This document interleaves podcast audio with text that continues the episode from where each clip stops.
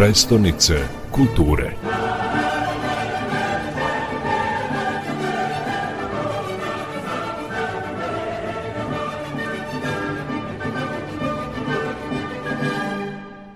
Projekat Vesprem Balaton Evropska predstavnica kulture 2023. razlikuje se od drugih programa evropskih predstavnica. Kako ste se odlučili za takav pristup i kako ste uspeli da animirate sve učesnike tog projekta? The decision was made Ta odluka doneta je još prilikom kandidature, pre nego što smo osvojili titulu Evropske prestonice kulture.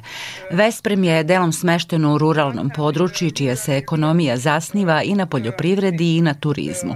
Grad broji 60.000 stanovnika, ali je blisko povezan sa obližnjim selima i okolinom.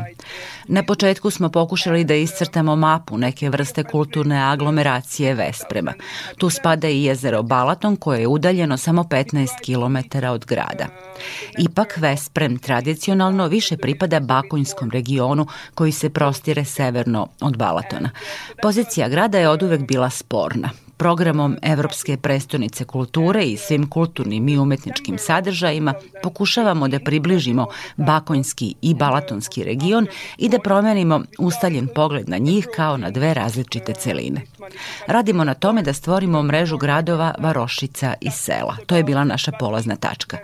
U decembru 2018. kada smo poneli titulu Evropske prestonice kulture, počeli smo da prilazimo opštinama.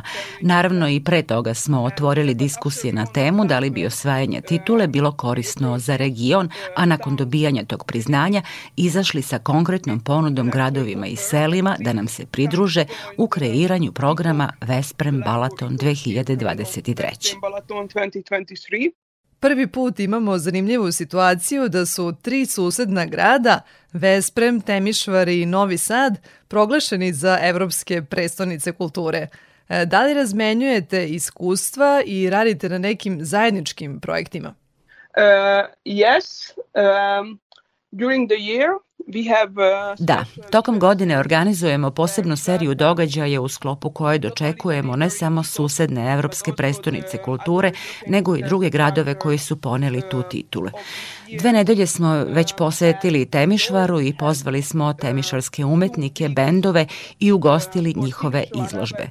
Predstavljamo Temišvar i njihove programe Evropske prestonice kulture. Takođe, proleto smo priredili sličan program posvećen Novom Sadu. Taj programski segment nazivamo Interurban. On donosi glas Evrope i sveta u Vesprem putem mikroprograma za sve generacije. Za neke je to koncert, za neke filmsko iskustvo, za neke deči program, zavisi od programa aktuelne Evropske prestonice kulture. Naravno, međusobno blisko sarađujemo, pogotovo sa Temišvarom, pošto realizujemo pojedine programe za izgradnju kapaciteta. Održavamo niz radionica na temu šta može biti nasleđe projekta Evropske prestonice kulture. Sa Novim Sadom trenutno pregovaramo o malom projektu vezanom za mađarskog pesnika Mikloša Radnotija, značajnog za mađarsku književnu zajednicu u Novom Sadu. Na jesen planiramo da realizujemo mali književni program i dizajniramo spomenik tom mađarskom pesniku. Uh, for this Hungarian poet. Za kraj, kakav je prema vašem mišljenju značaj projekta Evropske predstavnice kulture za naš region, za gradove poput Vesprema, Novog Sada i Temišvara? Od uvek smo na projekat Evropske prestonice kulture gledali kao na stipendiju za kulturni sektor ili za region. Nije najvažnije ono što se događa u godini titule, nego su bitni efekti i rezultati tog intenzivnog programa rada i partnerstva. Kako nam to može pomoći da svoj grad ili region ili bilo koji drugi region koji učestvuju u tom projektu postavimo na evropsku kulturnu mapu? Kada govorimo o centralnoj Evropi, mislim da kulturne scene mnogih prestonica nisu prepoznate na evropskom planu. Mnogo smo rada i energije uložili da naše ustanove kulture postanu deo međunarodne umetničke scene, da zajedno napredujemo. Sudeći prema programu Temišvara i Novog Sada, to je veoma važan dugoročni cilj.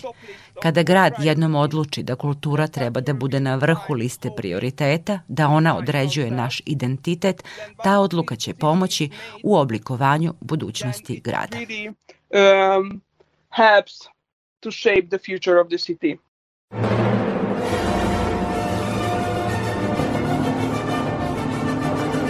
Prestonice kulture.